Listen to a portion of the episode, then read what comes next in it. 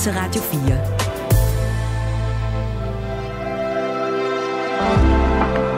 Velkommen til morgenrutinen. Din vært er Maja Hall. Det er en myte, at det er godt, at direktøren bor side om side med den arbejdsløse. Altså det her med at blande folk med forskellige baggrunde og alder, er slet ikke så smart, som vi måske ellers har en idé om. Hvis fællesskaber, det er det, vi gerne vil have, der skal ske i boliger, så ved vi bare fra forskning, at noget af det mest afgørende for et fællesskab, det er, at medlemmerne har en masse til fælles.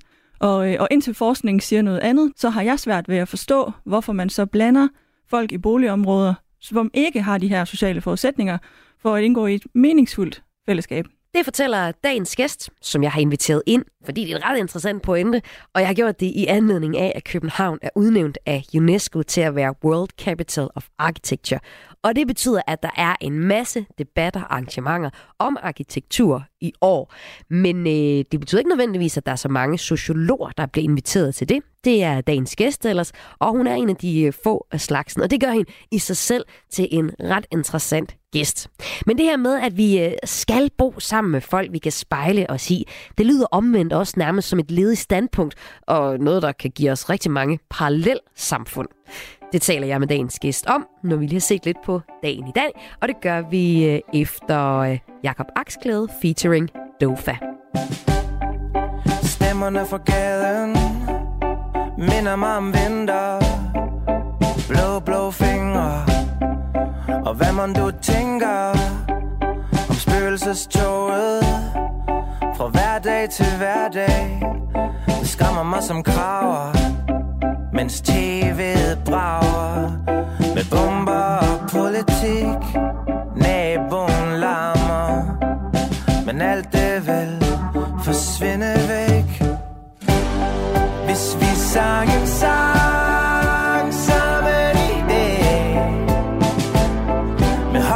Musik fra femte sal. Hvis vi sang en sang.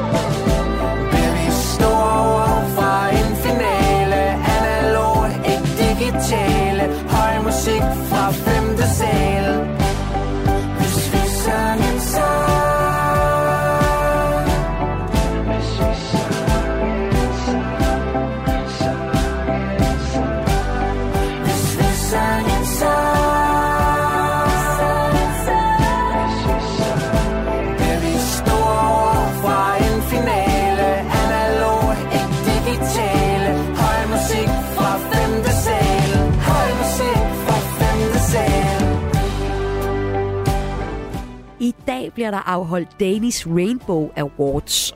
Sidste år der modtog direktør i Sundhedsstyrelsen Søren Brostrøm en pris ved Danish Rainbow Awards. Og øh, en af hovedbegrundelserne var, at han som en af Danmarks mest eksponerede mennesker med sin underspillede fasong om, som, om sin egen seksualitet har været et forbillede. Og han var øh, rigtig glad for prisen. Han sagde i sin takketale, at han altid har været stolt af at være bøsse.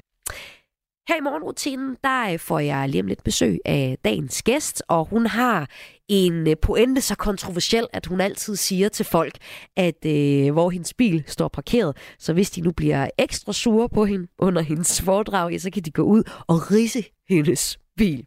Og hvorfor? Det kan du jo høre om lidt. Men øh, jeg spiller også lidt musik her i morgenrutinen her mellem klokken 5 og 6. Og i dag, der er der sådan et tema i musikken, som øh, er øh, featurings. Altså det her med, at kunstnere går sammen om at lave et nummer. Nogle gange så er det en meget eksponeret kunstner, der tager en lidt øh, uerfaren en med, og på den måde også lige præsenterer vedkommende for øh, os musiklyttere.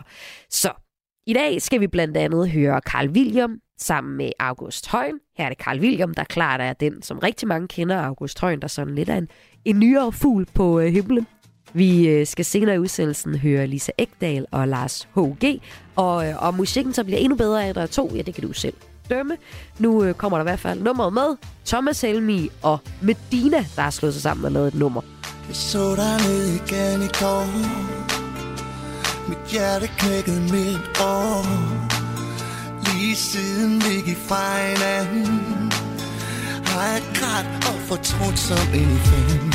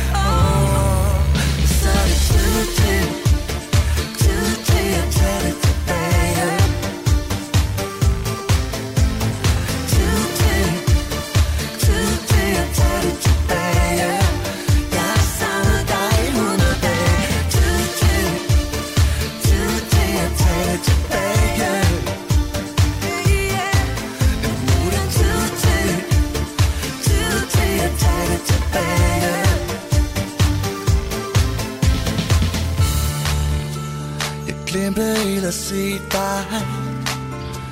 Du glemte helt at bede mig Om det du havde brug for.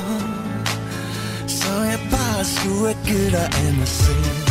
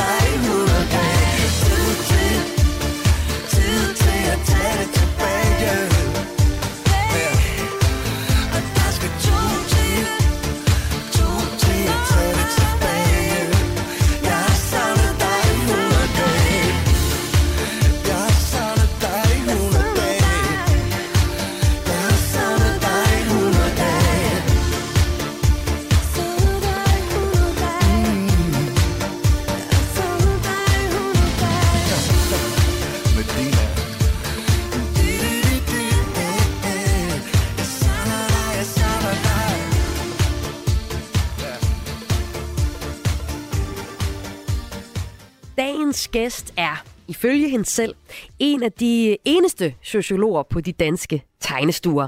Og når hun øh, starter et foredrag, og faktisk til alle foredrag, så starter hun med at sige, hvor hendes bil står parkeret, hvis nogen efterfølgende skulle have lyst til at gå hen og rise den med deres nøgler. Benedikte, Hvorfor skulle folk have lyst til det? Jamen, jeg har, jeg har, mit indtryk er, at noget af det, jeg siger, når jeg fortæller om min faglighed og mine holdninger til, hvordan sociologi og arkitektur arbejder sammen, kan være provokerende. Og, øh, og det er der flere grunde til. Først og fremmest, så kan det jo være, være svært eller være træls for en arkitekt at sætte sig ind i eller have lyst til at tegne noget, hvis der ligesom skal være en eller anden røvsyg ramme omkring det. Det kan jo, vi kan jo virke som røvsygt. Og sådan en ramme kunne være, at jeg har undersøgt, eller, eller en sociolog ligesom mig har undersøgt nogle særlige vilkår, der skal gøre sig gældende for et godt byggeri. Og hvis det så ikke kan tegnes flot, eller kan tegnes efter de, efter de regler, der kunne være i bygningsreglementet, så står vi med en udfordring. Og derfor så kan det godt være en dårlig stemning ret hurtigt, efter jeg er gået i gang med at snakke. Fordi så kan jeg jo stå og have en masse gode idéer til, hvordan et byggeri kan se ud, men uden nogen faglig viden eller faktisk viden omkring det byggede. Og så kan en arkitekt jo godt stå og tænke, hvad forventer du egentlig af mig så? Og lad os lige få præsenteret dig. Du hedder Benedikte Faber Myggen. Du er sociolog, og du er det ved Erik Arkitekter. Sådan en arkitektstudie, der egentlig ligger i hele Danmark, ja. og du øh, arbejder så i, i Aarhus. Og øh, vi skal tale mere om det her, men bare lige kort, så vi lige får slået det an for dig, der lytter med. Hvorfor jeg har inviteret dig ind, og hvad det er for en pointe, der kan være også så provokerende. Fordi det, jeg synes er spændende, det er, at du mener, at ifølge forskningen, ifølge forskningen for dit felt som sociolog, så er det ikke en god idé at mixe folk i boligbyggerier for eksempel. Det er ikke en god idé det her med, at direktøren skal bo ved siden af den arbejdsløse. Det er ikke en god idé det her med, at vi mixer folk, sådan at den gamle kan få hjælp med indkøb fra den unge. Det er slet ikke en god idé. Lige børn leger bedst. Hvorfor det? Jamen altså, man kan sige, øh, det vi ved fra forskning, og det er både ny og gammel, det er, når vi taler om fællesskaber, og, øh, og hvis fællesskaber, det er det, vi gerne vil have, der skal ske i boliger, så ved vi bare fra forskning, at noget af det mest afgørende for et fællesskab, det er, at medlemmerne har en masse til fælles. Og det til fælles, det kan både være normer eller holdninger, eller det, der hedder social praksis, eller eksistensgrundlag, eller habitus. Altså, der er nogle grundlæggende ting ved deres personlighed, eller deres hverdag, som er til fælles med de andre. Og, øh, og indtil forskningen siger noget andet, det kan jo være, at det forandrer sig, så har jeg svært ved at forstå, hvorfor man så blander folk i boligområder, som ikke har de her sociale forudsætninger, for at indgå i et meningsfuldt fællesskab. Og bare lige for at få det uddybet en lille smule, så det her med, at jeg siger med direktøren og den hjemløse, eller ikke den hjemløse, den arbejdsløse selvfølgelig, Ja. det, det, det er også det, der er en del af pointen. Ja, altså, og man kan sige, det kan jo være svært, at, eller vi må sådan set ikke øh, på den måde bestemme, hvem der skal bo hvor, men vi kan styre en lille smule om en beboersammensætning ved at regulere på prisen. Så man kan sige, hvis vi har en meget stor almen lejlighed, det er det almene, jeg arbejder mest med, så er den dyrere end en meget lille. Og hvis vi så blander de to salt og peber ved siden af hinanden, så kan vi jo antage, at der kommer til at flytte en ind med en høj indkomst og en lav indkomst. Og det vi ved fra de to, hvad skal man sige, profiler, det er, at de afviger fra hinanden. Man kan godt sige, at de, de kan være to poler i forhold til social og kulturel kapital, som vi taler om i sociologien. Og det betyder, at der er meget lave forudsætninger for, at deres fællesskab vil være ret meningsgivende. Og i mit arbejde, der er jeg vant til, at fællesskab er en superfood. Altså, det er, det er noget, der står i næsten alle dokumenter, og som værende noget, vi skal sigte efter. Og det er jeg enig i. Men jeg kunne godt tænke mig, hvis vi startede lidt forfra og kaldte det naboskab i stedet for. Fordi fællesskaber er en, er en god idé, det er en afgørende præmis for vores sociale udvikling. Men det der med, at det, at det skal opstå på de vilkår, vi ønsker, det når vi simpelthen ikke frem til, hvis ikke vi gør os nogle tanker om, hvad for nogle mennesker, der skal bo der. Fordi vi er nødt til at kunne regne frem til, at det skal være nogle mennesker, der skal have et eller andet til fælles, hvis vi vil have et fællesskab, der skal opstå. Og det der med, hvad man skal have til fælles, det er jo også der, nuancerne ligger, for der. Ja. kan jo være mange ting, man egentlig kan have til fælles. Ja. Men den helt afgørende pointe er jo også fra sociologien, og den er nok også meget kendt, når du tænker, dig der lytter med her, så kan man godt tænke, at vi har da altid hørt om, at vi skal, vi skal mødes. Ja, men vi kender jo egentlig godt den der med, at man skal være tryg, før man har lyst til at møde nogen, man ikke lige så godt kender. Altså, en fremmed er en ven. Jamen, det er det jo egentlig kun, hvis du kan overskue at få en ny ven. Og det skal vi tale mere ned i. Ja. Men øh, inden jeg lige sætter et nummer på, er der nogensinde nogen, der har ridset din bil, Benedikte? Nej, det er der ikke. Men vi, der er mange, der har en øh, hvid Peugeot. Benedikte Myggen, velkommen ind for til morgenrutinen. Tak. Bygget mit eget imperie op Men hvor meget er det egentlig værd Når væggene så småt svinder ind Og omringer alt jeg er Jeg kunne begrave et hav af komplekser Og blande dem med lidt af hvert. Men tiden løber i takt med humøret Og for evigt er jo noget man siger Og tiderne de skifter Og ligesom vel gør du jeg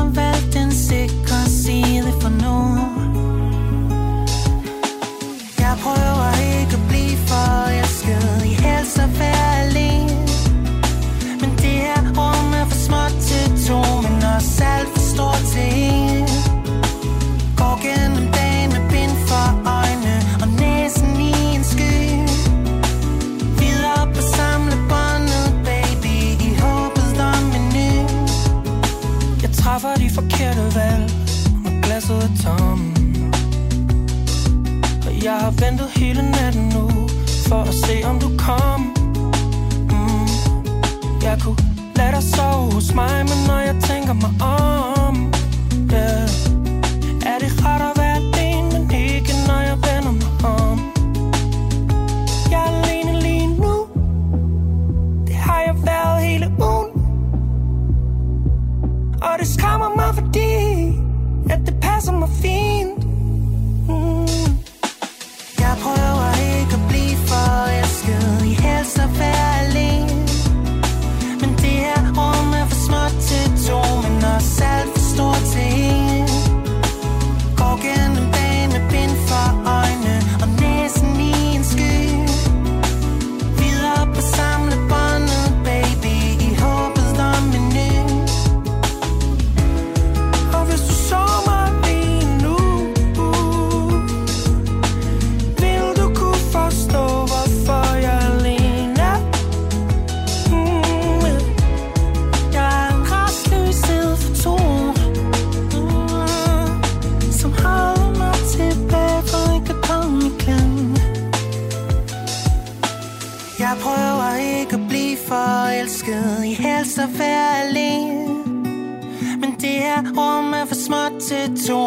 To alt for stort til en Går gennem dagen med bind for øjne Og næsen i en sky Videre på samlebåndet, baby I håbet om en ny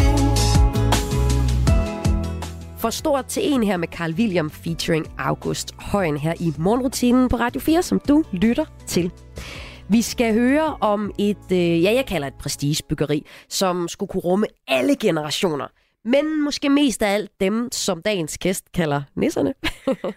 altså de øh, ældste. Og det gør byggeriet til gengæld også ganske godt. Men det her med at rumme forskellige, det dur ikke nødvendigvis. Det forklarer dagens gæst.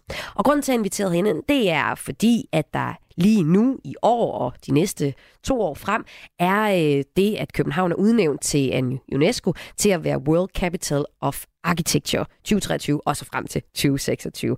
Og der øh, er der en masse konferencer som for arkitekter, og måske de her pointer, der bliver diskuteret, det kan jo være. Og så øh, er der guided ture for os almindelige mennesker rundt i særligt København. Og øh, her den 2. november, så er der desuden arkitekturens dag, som fejres over hele verden. Og øh, Benedikte Faber Myggen, er der mange sociologer sådan typisk set til sådan nogle arkitekturfestivaler? Alt for få, synes jeg. Ja. Altså, jeg må sige, jeg er ikke faldt over det endnu. Øhm, jeg, øh, jeg kunne godt tænke mig selv at være med til nogle af de arrangementer. Jeg kunne forestille mig, at, øh, at det var noget, jeg blev sat i gang med, men det har jeg ikke hørt noget om endnu. Jeg, jeg, jeg, jeg tror det ikke. Jeg tror det ikke, men jeg håber det. Måske efter, øh, måske efter i dag. Måske efter i dag, hvor du på Landstikken Radio har fortalt dine ja. Pointer. Din øh, mor, hun er arkitekt, og du har boet lige om hjørnet til Erik Arkitekter, hvor der du også arbejder nu. Du har faktisk fortalt, at du stormede ja. Dem for at få lov til at få et arbejde hende hos dem, fordi der var gået et lys op for dig om, at det er så vigtigt med nogle sociologer på tegnestuerne, og det skal vi også tale mere øh, om. Men hvornår gik det egentlig op for dig, at det var sociologien, du havde lyst til at dykke ned i, for så at bruge i blandt andet almene boliger, som er sådan dit fokusområde? Det er et godt spørgsmål. Jeg tror, at, øh, at det der med mennesker altid har været noget, jeg interesserede mig for, eller i hvert fald gik meget op i. Og, øhm, og jeg var... Øh, altså, jeg har ikke syntes, det var specielt sjovt, når vi skulle læse en bog i folkeskolen, som var fiktion. Det kunne jeg ikke rigtig se, hvorfor jeg skulle. Jeg synes jo, tv var mindst lige så godt, men det er måske min generation. Så hvis jeg skulle læse en bog, hvilket vi skulle, så gad jeg godt have, at det var en, der var et eller andet faglighed over. Og så faldt jeg over en sociolog, der hedder Richard Jenkins, som har skrevet en bog, der hedder Social Identitet. Og den fik mig til at åbne øjnene op for nogle sociale problemer, som jeg kunne se omkring mig, og også som jeg selv havde. Altså identitetsproblemer, store sociale spørgsmål. Og så, øh, og så gik jeg bare nørdet ind i sociologi på den måde, tror jeg. Og så, så skulle man jo søge ind på, øh, hvad for en universitetsuddannelse man gerne vil vælge. Og mit snit var ikke til psykologi, og så tænkte jeg, "Nå, så tager jeg det næstbedste. Men det viste sig så at være det bedste bedste, for mig i hvert fald, altså sociologien. Og, øh, og der blev man introduceret til forskellige spor på øh, bacheloruddannelsen, og det tog meget få sekunder for mig, før jeg opdagede, at byer, det var det fedeste. Ja, hvorfor det? Der er så stor forskel på, hvem vi er, og øh, selvom det er et lille bitte land, og et ret homogent land set fra et, et internationalt synspunkt, så det, vi, det sted, vi kommer fra, har så stor betydning for, hvem vi er og hvem vi bliver. Og det synes jeg er vildt spændende, når Danmark er så lille, at der alligevel kan være så stor forskel på regioner, men også på større og mindre byer især. Så det storkede jeg.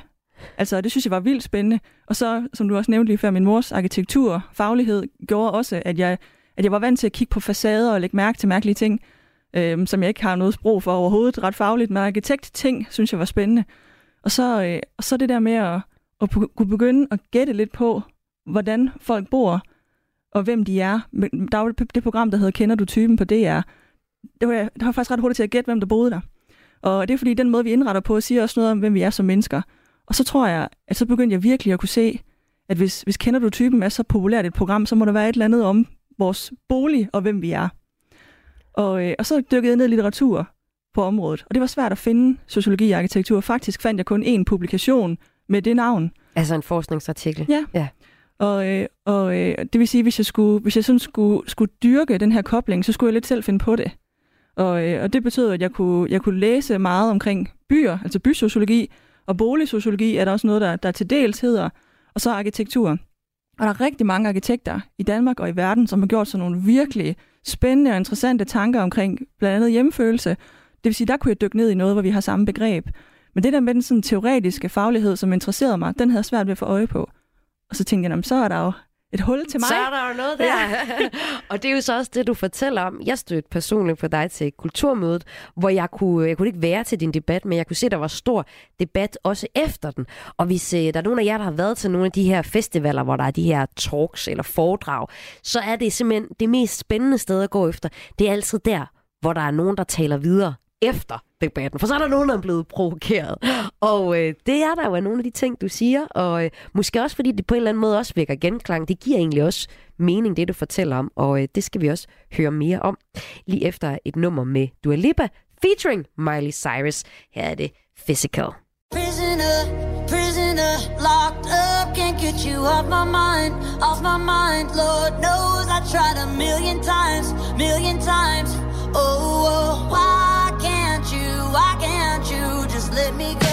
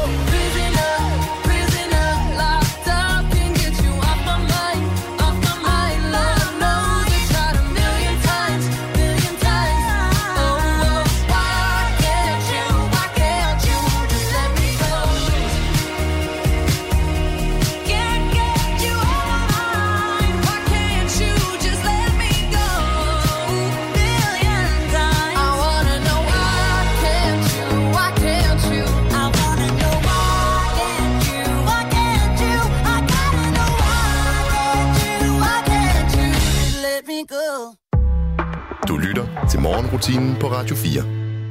I Aarhus ligger generationernes hus, som Erik Arkitekter står bag.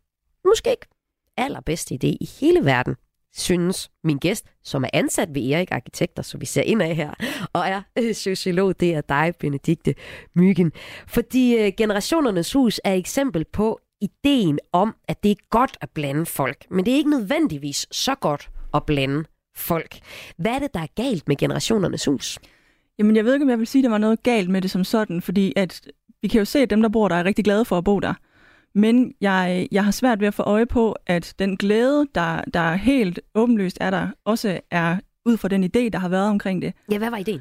Øh, ideen var, der var to idéer, grundlæggende idéer. Den ene, den var, at man, at man skulle flytte der til som ung, altså ungdomsboligerne, som de hedder, og så elsker at bo der.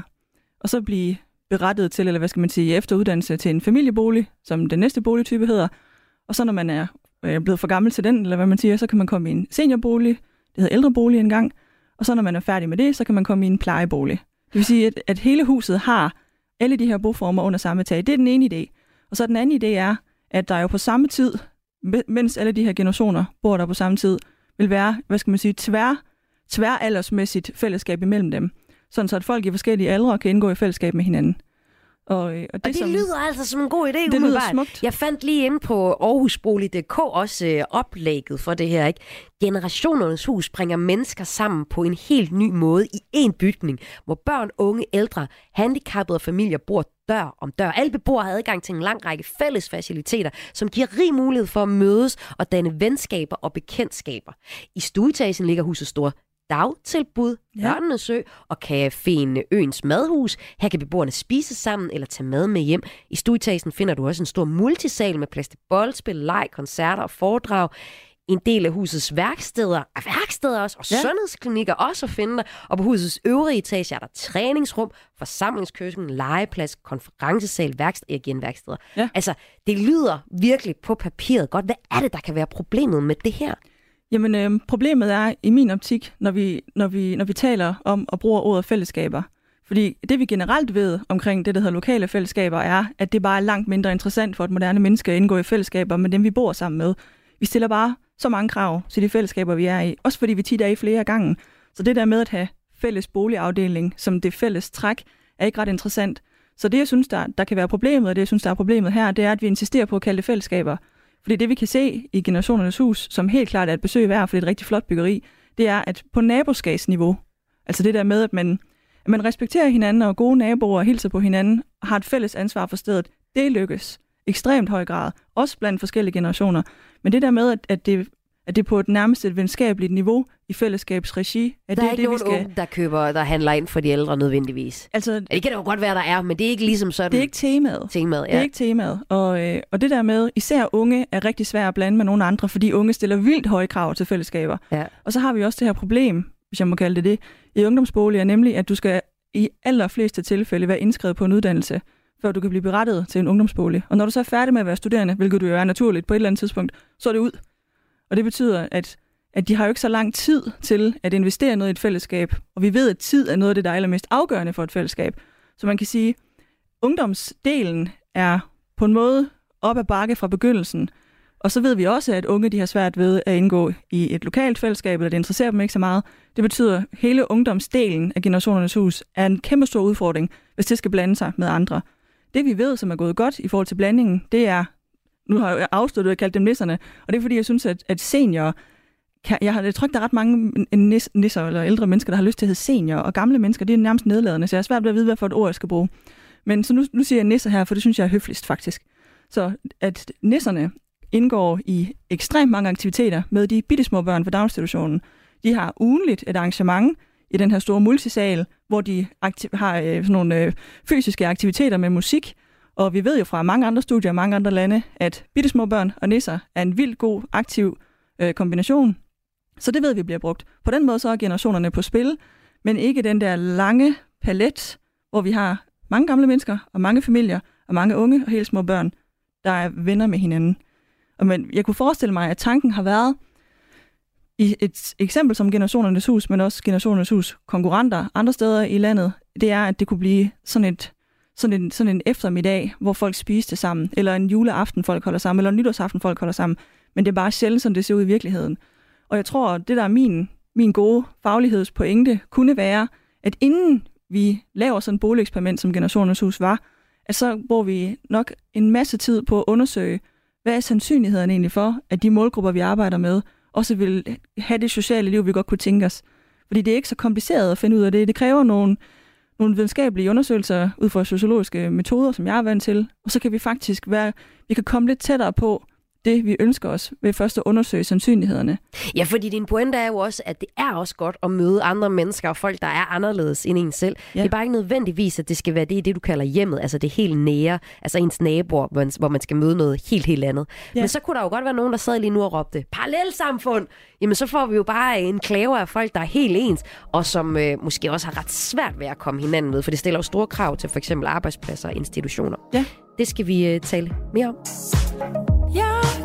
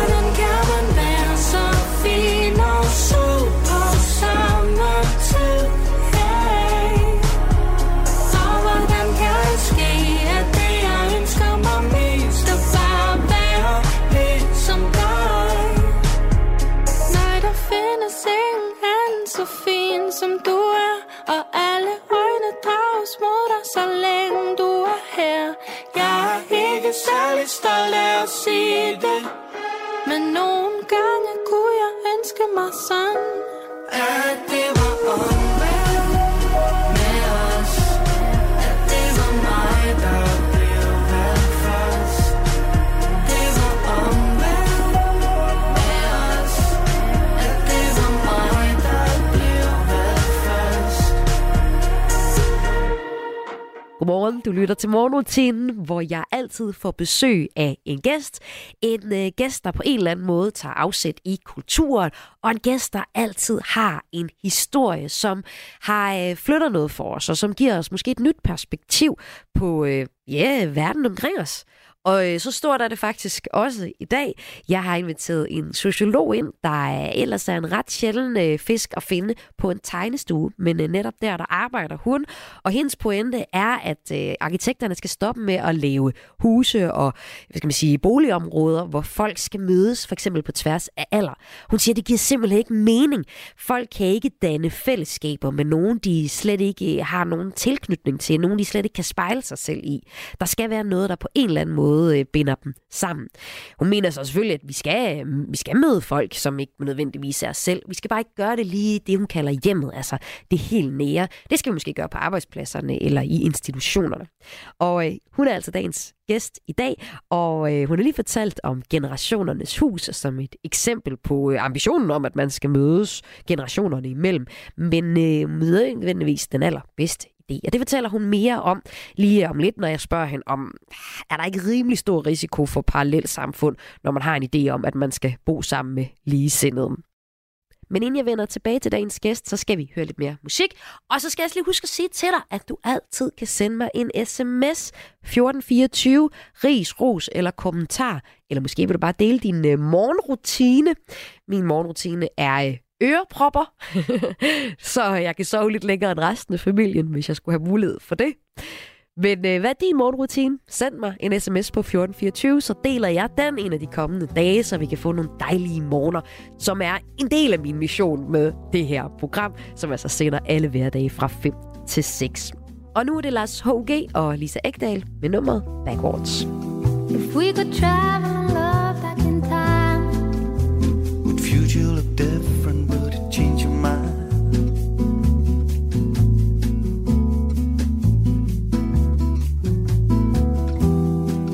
Would I be able to see right from wrong? Or still mix my shadow with the lonely one? Big ambitious heart. For all I'm gonna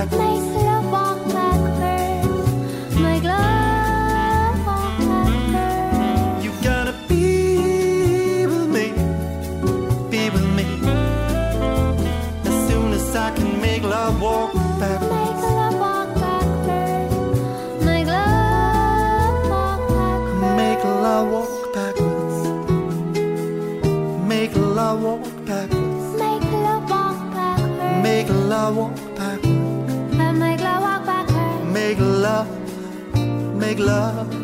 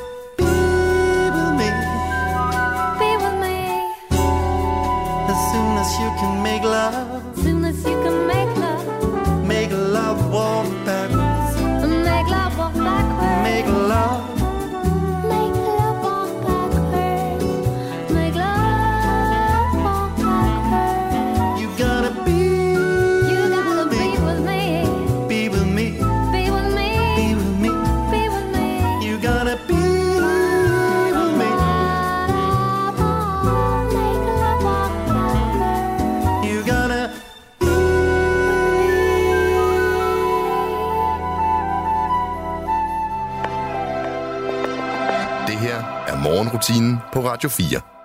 Det her med at blande folk med forskellige baggrunde er slet ikke så smart, som du og jeg måske ellers har en idé om. Det er et byggeri som Generationernes Hus i Aarhus et eksempel på. Her skulle alle generationer bo sammen og have rigtig meget med hinanden at gøre, altså måske holde fester sammen og sådan noget. Men ja, de unge og de gamle gider ikke nødvendigvis det, og så er der måske ikke så meget stor pointe med det der generations hus, selvom det nu også er et sted, der er meget dejligt at være for dem, der altså bor der. Det fortæller dagens gæst, som jeg har inviteret ind i anledning af, at København er udnævnt af UNESCO til at være World Capital of Architecture. Det betyder nemlig, at der er en masse debatter og arrangementer om arkitektur i år. Men øh, noget af det, der måske ikke er så meget af, det er sociologer, som min gæst i dag er. For øh, faktisk så er Benedikte Myggen, som er min gæst i dag, en af de få, der er inviteret ind på arkitektstuerne. Der er måske antropologer derinde, men øh, det der med lige at kigge over i sociologien for at få noget evidens for, hvordan man bygger, det er ikke noget, der bliver gjort så meget. Og så øh, kunne man jo have lyst til at spørge dig, Benedikte, altså er det bare et ledet standpunkt, du har fundet her? Eller er der noget om det i forskningen? Jeg synes, at de gange, hvor jeg er ude at fortælle, både i sociologiske sammenhænge, på det universitet, jeg kommer fra, eller i arkitektsammenhænge, så ser jeg en masse mennesker sidde og nikke i kor. Ikke nødvendigvis omkring det her generationsprincip, som jo stadigvæk er hit, ligesom du også beskriver, men hele den her, hele den her forbindelse mellem de her to fagligheder, oplever jeg som værende noget, folk har lyst til. Jeg ser nærmest i, på begge vores, øh, begge vores sider en eller anden form for lettelse omkring, at det giver jo også anledning til at tale om nogle ting på en anden måde. Hvad for Hvis der, jamen altså for eksempel det her med generationer. Øhm, og nu, nu nævnte du lige ordet baggrunde. Altså en social baggrund, den, den, kan jo, den kan jo opleves forskelligt, så man kan sige, det der sådan er mest svært, og det der er sværest at blande, det er alder. Det er noget af det, vi ved er allersværest. Og man kan sige, jeg tror, det er en, jeg tror, det er en, en lettelse, eller måske lidt forfriskende at kunne tale om, at der er noget, vi gør forkert, uden at det skal være som om, at vi udveksler holdninger, for så kan vi blive uvenner. Men når vi har forskning bag os, det vil sige noget, vi har undersøgt, noget, vi har evidens for, så er det ikke en holdningsdiskussion. Så er det også, der fælles kigger på noget, der er udforsket. Og det tænker jeg, det tænker jeg er en lettelse. Fordi så kan vi tale om det på en anden måde, som jeg siger. Og det tror jeg, det ved jeg, at vi begge fagligheder har lyst til. Og så kan jeg mærke, at i hvert fald mine arkitektkollegaer, som jo er rigtig dygtige, øh, synes, det er rigtig spændende og sjovt at tale om, hvad sociologien kan finde ud af. Der er mange af dem, der, der bruger det nærmest som sådan nogle stikord i forskellige sammenhænge. Så vi er jo interesseret inden for det samme. Jeg har ikke, øh, jeg har ikke mødt en arkitekt endnu, som er uenig med mig i noget af det, som jeg, det er noget af det, jeg fremfører eller håndhæver. Og på den anden side, så ved jeg da, at mine sociologi-kollegaer elsker at tale om, hvad vi godt kan finde ud af at lave. Det er nogen, øh, i starten af ens uddannelse, så, så får man at vide, at når nogen spørger jer, hvad I, hvad I kommer til at lave, så kommer I ikke til at vide, hvad I skal svare. Øh, og det kunne jeg godt genkende selv, hvis en, hvis en onkel siger, hvad kan en sociolog egentlig lave? Jamen, så er det så svært lige at komme i gang. Så jeg ved da også, at mange af mine kollegaer godt kunne tænke sig at komme med så klart et svar, som man kan sige, når jeg siger, at jeg klæder arkitekter på med viden til, hvordan vi skal tegne bedre boliger. Mm. Så jeg tror også, at det er også en helt ny felt for sociologien, som, når jeg er ude og holde oplæg, er fuldstændig klar over, at det er oplagt. Og jeg har ikke mødt modstand eller, eller uvenskab, i hverken i det firma, jeg arbejder for, eller andre steder, hvor jeg ikke har fået lov til at komme med. Jeg bliver inviteret og bliver lyttet til, og nogle gange vækker det provokation og irritation, men det er, det er altid på en god måde. Vi er jo alle sammen interesserede i at bygge godt. Og det er måske også fordi, at det egentlig, jo, vi kender den der lige børn leger, selv, øh, leger bedst, og vi ja. Kender den fra os selv, at der er, når der er nogle mennesker, vi kan spejle os i på det hele nære, så er det også nemmere at forholde sig til dem. Men vi ved jo også omvendt, at det er rigtig vigtigt for os, og nu siger jeg, at vi ved, der er sådan en generel øh, mm. enighed om, at det er godt at møde folk fra forskellige lag og mixe folk. Altså i sidste uge, så var der en historie om, at boligpriserne steg helt vildt i København, at Storbyen bliver lukket land for, øh, for mange boligkøbere, og det er en forfærdelig udvikling.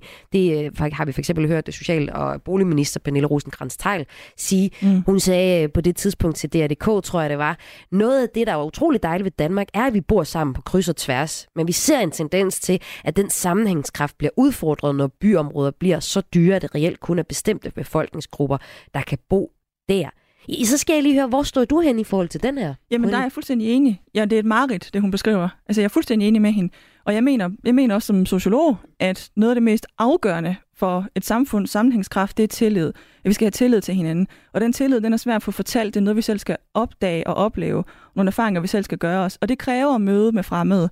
Så jeg mener, at parallelsamfundet er er Ja, noget, det er vi skal det. være, vi skal være, vi skal være bange for. Ja, Øhm, parallelsamfund, ghettoer, altså hvor Ja. man ligesom samler folk, der er meget, meget ens i større boligområder. Det er jo noget, vi taler om som et, et problem. Jamen, det er også et problem. Og noget, noget af det, parallelsamfundsparken gav os, det var jo en måde at regulere en beboersammensætning på, sådan så nogen kunne få fortrinsret for at komme ind før. På den måde kunne vi regulere, at der ikke var for mange, der var ens samme sted. Og, øh, og det var også fordi, at der var nogle steder, der var, at der var segregerede områder, hvor det, der var temaet de steder, det var sociale problemer. Og der er man jo nødt til at lave en eller anden form for indsats. Også en social indsats, mener jeg, en integrationsindsats. Så parallelsamfundet, det er ikke der, jeg vil hen, når jeg beskriver, at vi skal bo med nogen, der minder om mig selv. Det, jeg taler om, det er, at vi skal have, forestil jer sådan en gammel etagebyggeri på en vej, at så skal vi ikke have en opgang, hvor til højre og til venstre er blandet. En opgang til ungdom, en opgang til familie, en opgang til nisser, og seniorer. Altså, det er sådan, jeg mener, vi bør gøre det. Fordi jeg mener ikke, at vi skal have store områder, hvor man kun bor med nogen, der minder om en selv. Men man skal have grillam, grillområdet, det skal være kun til nisserne, eller kun til børnefamilierne, eller kun til de unge. Ja, jeg tror så, så det, det fælles, vi så bruger mest. Hvis vi har et, et ønske om, at der skal være et fællesskab, og det er igen så frem, det, for- det fortsætter ønsket, der skal være fællesskaber. Ja. Så det, der så er fællesskabsdannende, et fælles lokale, så skal det jo være til dem, vi må forvente, at vil indgå i fællesskab med hinanden. Men lad os sige et vaskeri. Et vaskeri er tit det, jeg hører i forskellige øh, arkitektnetværk, at det er et sted for et tilfældigt møde. Man mødes ved vaskerummet, og så lægger man tøj sammen, og så lærer man hinanden at kende. Men det tegner et billede af, at, at, at mennesker er konstant fællesskabssøgende. Men det er vi jo ikke, der skal jo noget andet til. Så i mit hoved, så er vaskeriet det mindst fællesskabsdannende Ja. rum, men et rum, vi har brug for. Det kunne være et fælles rum, altså virkelig, der var til alle, fordi det skal alle bruge. Men øh, grillrummet, som du beskriver det, eller et grillareal, der kunne jeg forestille mig, at det vil, give, det vil blive brugt mest, hvis det var designet til en bestemt målgruppe. Ja. Men vi kan jo ikke lave, vi kan jo ikke lave store områder, der kun er til nogen. Fordi nogen forandrer sig jo også med tiden. Vi ved ikke, hvordan unge øh, har lyst til at blande sig med folk om 50 år, for eksempel. Så det skal også være tilstrækkeligt mobilt, til at det følger med vores udvikling. Men lige nu, sådan som det er, så er det svært, rigtig svært at blande unge med andre. En kendt dansker er død i en time. Jeg synes, det ville være skrækkeligt, hvis jeg vidste, noget skulle være for evigt. Men først skal de spise et måltid, som var det deres sidste. Så kommer, kommer desserten. Så kommer den altså. Ej, fuck, hvor er det voldsomt. Og, øh, Og altså, hvorfor, Anna? Hvorfor? Altså, jeg aner det ikke. Sammen med vært Lærke Kløvedal taler de om døden, maden og alt derimellem. Men fjordrejer, det er barndom. Det er gode stunder med min far. Det er noget af det eneste, jeg har haft med papa. Lyt til det sidste måltid i Radio 4's app, eller der, hvor du lytter til podcast. Æret være hans minde. Radio 4. Var det det? Det var det. Ikke så forudsigeligt. Nå, Benedikte, hvordan har du det med quizzer? Elsker quizzer. Nej, det er godt. Der var stille så lang tid, jeg blev nervøs. Nej, det vil jeg rigtig gerne være med til. Benedikte Myggen er sociolog ved Erik Arkitekter, og det er hun i anledning af, at København er udnævnt af UNESCO til at være World Capital of Architecture. Derfor taler vi i dag i morgenrutinen, og godmorgen og velkommen til dig, der lige har tændt for din radio, om arkitektur. Og hvad skal man kalde det? Mm, social arkitektur, kunne man måske kalde det. Ja. Du er i hvert fald øh, sociolog og øh, forsker og undersøger, eller undersøger i hvert fald, hvordan man kan bygge boliger til mennesker, bedre boliger til mennesker. Og øh, vi har talt øh, snakken timen her igennem om, hvordan øh, man måske ikke skal blande folk. Øh, det øh, kan man få dokumenteret i sociologien, at blander man folk, jamen, så er man egentlig ikke øh, er sådan specielt øh, klar på at øh, lave en masse øh, spændende fællesskaber på tværs af, hvem man er og alder. Alder er særlig en vigtig ting. Men øh, det her, der sker i dag, det øh, er, at øh, der er en anledning til at lave en quiz. Og øh, jeg tror bare, vi skal starte. Vi skal simpelthen bare køre med det. Og det er sådan her, Benedikte. Jeg kommer med spørgsmålene, og som ansat på en tegnestue, så gætter jeg på, at du kommer med svarene. Vi prøver. det? der er tre runder, og så er der svarmuligheder til dem alle. Ja. sammen. Øh, og det første spørgsmål, og dig, der lytter med, du er velkommen til at give det med på den her afsluttende arkitekturquiz. Det første spørgsmål er, hvilken dansk arkitekt fylder i dag, nemlig 79 år? Er det A. Bjarke Engels, som øh, for eksempel er mest kendt for nogle markante byggerier omkring øh, Københavns nyeste bydele Ørestaden? Er det B. Jan Utzon, som er kendt for for eksempel Skagen Odde, Naturcenter, Paustita, Paustita, hvad hedder det? Pau- Paustian. Paustians hus mm.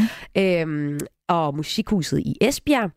Eller er det Jan Gel, der er måske mest er kendt for at øh, have sådan en analytisk øh, fokus i øh, forhold til forbedring af byrum. Han har fx spillet en væsentlig rolle for fredeliggørelsen af det trafikerede byrum og omdannelsen af gågademiljøer, har jeg kunne læse mig til. Så hvilken dansk arkitekt fylder 79 år i dag? Bjarke Engels, Jan Utzon eller Jan Gel? Sådan som jeg vil svare på sådan noget, der, jeg prøver sådan rationelt at udelukke det. Og jeg ved, at Bjarke Engels ikke er ret gammel, for han har været med i Kloven. Så der er man sjældent ret gammel. I hvert fald ikke med den, den, den, den rolle, han spillede. Det er, Øh, jamen, det er da et point. Ja. jeg, jeg mener, Jørgen Utzon fyldte fyldt 100 år for, Ja, ja. måske var det i 18 eller 19. Og Jan Gehl ham har jeg næsten lige været sammen med. Øhm, og jeg ved, jeg ved at, at hans alder kommer bag på en. Altså, han, han fremstår yngre end det. Så det er, det er enten Utzon eller Gehl. Ja. Jeg siger Gehl. Og det var i Utzon. Det var Det Utzon. var Utzon. Han er en dansk arkitekt, ja lige præcis søn af Jørgen Utzon. Øhm, og det er ham, der fylder 79 år i dag. Jan Gehl, han er også øh, han deroppe af. ældre? Nej, jeg har faktisk ikke lige fået det skrevet ned her. Men øh, det er rigtigt, Bjarne Engels. Han øh, 48 år og fylder år Ja. den 2. oktober, ja. så det er også lige om lidt, han gør det. Og så fortsætter vi spørgsmålet lige lidt nedad. Jan Utzons far, Jørgen Utzon, er verdenskendt for at have tegnet øh, Sydney Operahuset. Operahuset i Sydney kalder man det svar. Ja. Som øh, er jo en af de mest kendte bygninger i verden, tror jeg nærmest. Ja. Men øh, er Operahuset i Sydney det 8. vidunder af det nye? Eller B, ifølge Wikipedia, den dyreste bygning i verden, hvis man ser bort for atomreaktorer og religiøse landemærker? Eller er det optaget på verdensarvslisten? Det er nummer tre. Det er rigtigt. Det vidste du bare. Ja. Operahuset i øh, 2007 blev optaget på UNESCO's verdensarvslist, og Utzon blev den anden person i verden til at, øh, at opleve det levende liv. Jeg tænker på, hvor mange af sådan nogle ikonbyggerier, der har været med i Disney-film. Ja, Fordi det har det jo. Ja. Og så var Eiffeltårnet med i Ratatouille. ja. Jeg tænker, Hvor, hvad- hvornår har det været med i en Disney-film med Operahuset? Det var med i Find Nemo. Ej, okay. Der er de i Australien. Ja, så Ja. hvis Disney-quizzen kommer bagefter, Ja. så kan jeg godt put my money on that. Jeg synes, det var meget fix, den jeg har fundet på med øh, den dyreste bygning i verden. Ja, det Men er super det- godt. er åbenbart Marina Bay Sands i Singapore, der er værdsat til 4,93 milliarder dollars. Hold da kæft. Og øh, Wembley Stadium i øh, England er til sammenligning værdisat til bare 1,5 milliarder dollars, hvis man tænkte, kæft. det var en dyr en. Ja. Det har jeg så fra en hjemmeside, som er skrevet af det danske medie Input Mag- øh, Magasin. Ja. Nå, Jørgen Utzon er kendt for at have en mission. Og nu skal vi som det tredje og sidste i den her quizze, hvor du har et point ud af to, og jo Ja. altså kan få det tredje, og på den måde synes jeg har vundet, fordi du har gættet flest. Jeg er rigtigt, ikke? enig. Ja. Helt enig. Så øh, Jørgen Utzon øh, er kendt for en mission. Var det A, at lave bygninger til mennesker? B, bæredygtigt byggeri? Eller C, smukke byggerier? Altså, hvad var Jørgen Utzons? Jeg, Mission. jeg har boet side om side med Utzon Museet i Aalborg. Ja. Og, og Bikuben, som jeg mener er en, en af sønnernes værk. Og, øh, og der har været sådan et banner i forbindelse med Jørgen Utzons fødselsdag, hvor der står det der, du siger, der er en af de tre. Og nu er jeg i tvivl om, hvad det er. Jeg har lyst til at sige bæredygtigt godt. Hvad var det, det etteren var? At lave bygninger til mennesker? Er det etteren? Det er rigtigt. Ja. Det er fuldstændig rigtigt. Og det er faktisk sjovt, jeg forstår det ikke helt. Jeg var inde på Utzon-centret i Aalborgs hjemmeside, Ja. og de skriver, øhm, det han skabte, og det kan være, du hjælper mig her, det Ja. han skabte, det skabte han for og til mennesker. Bygningerne skulle kunne bruges, hvad enten det var til politiske formål som parlamentsbygning i Kuwait, religiøse formål som kirken i Bagsvær, musik og kultur som operahuset i Sydney, eller boliger, som almindelige mennesker kunne leve godt i. Altså, laver man ikke kun altid bygninger til mennesker, Jo. eller hvad? Jo, det gør man. Jeg, øhm, nu er jeg jo ikke arkitekt, så, så det bliver ikke ret arkitektfagligt, det jeg siger nu her. Men, men det, der sådan er mit, mit indtryk, det er, at, at noget af det, han laver, det, hvad skal man sige, det, det, det fordrer ikke et bestemt i brutagelsesformål. Altså man kan sige til sammenligning, så er der mange, der er mange politistationer, hvor man, hvor man kan se, okay, det er nok en politistation, det der, Mm. den måde, det er designet på. Men jeg synes, at nogle af Utzons byggerier, det kan man næsten bruge til, hvad end behovet er til. Mm. Mm. Altså, så jeg, jeg synes ikke, at designet ligesom giver anledning til en bestemt brug. Og det mener jeg, at sådan vi bygger til fremtiden også. Altså, sådan så, sådan så vi kan bruge det, som vi har lyst til, afhængig af, hvordan vi som samfund udvikler os. Og det synes jeg, man kan i hans byggerier. Og det var altså quizzen, som jo egentlig tog udgangspunkt i Jan Utzon. Tror du, han er ked af, at jeg lavede den til Jørgen Utzon så? Meget af spørgsmålene. Det må være hårdt at have at være arkitekt, og ens far er bare lige sådan en verdenskendt arkitekt. Ja, det må være nederen. Nå, det gjorde jeg i hvert fald. Og tak fordi du quizzede med og vandt. Ja. Retten til at sige, du har vundet resten af i dag. Benedikte ja. Myggen, sociolog ved Erik Arkitekter. Tak fordi du var med. Selv tak. Og tak til dig, der har lyttet med her på Morgenrutinen. Mit navn er Maja Hall. Jeg var din vært, og det er jeg igen i morgen klokken 5, hvor jeg får besøg af en gæst, der lægger stemme til en ikke bare en dansk landeplay, en landeplay på verdensplan, målrettet børn. Det hedder Paw Patrol, og hvis du ikke ved, hvad det er, så synes jeg virkelig, du skal tænde for din radio i morgen klokken 5. Nu er der et nyhedsoverblik. Ha' det godt så længe. Du har lyttet til en podcast fra Radio 4. Find flere episoder i vores app, eller der, hvor du lytter til podcast. Radio 4. Ikke så forudsigeligt.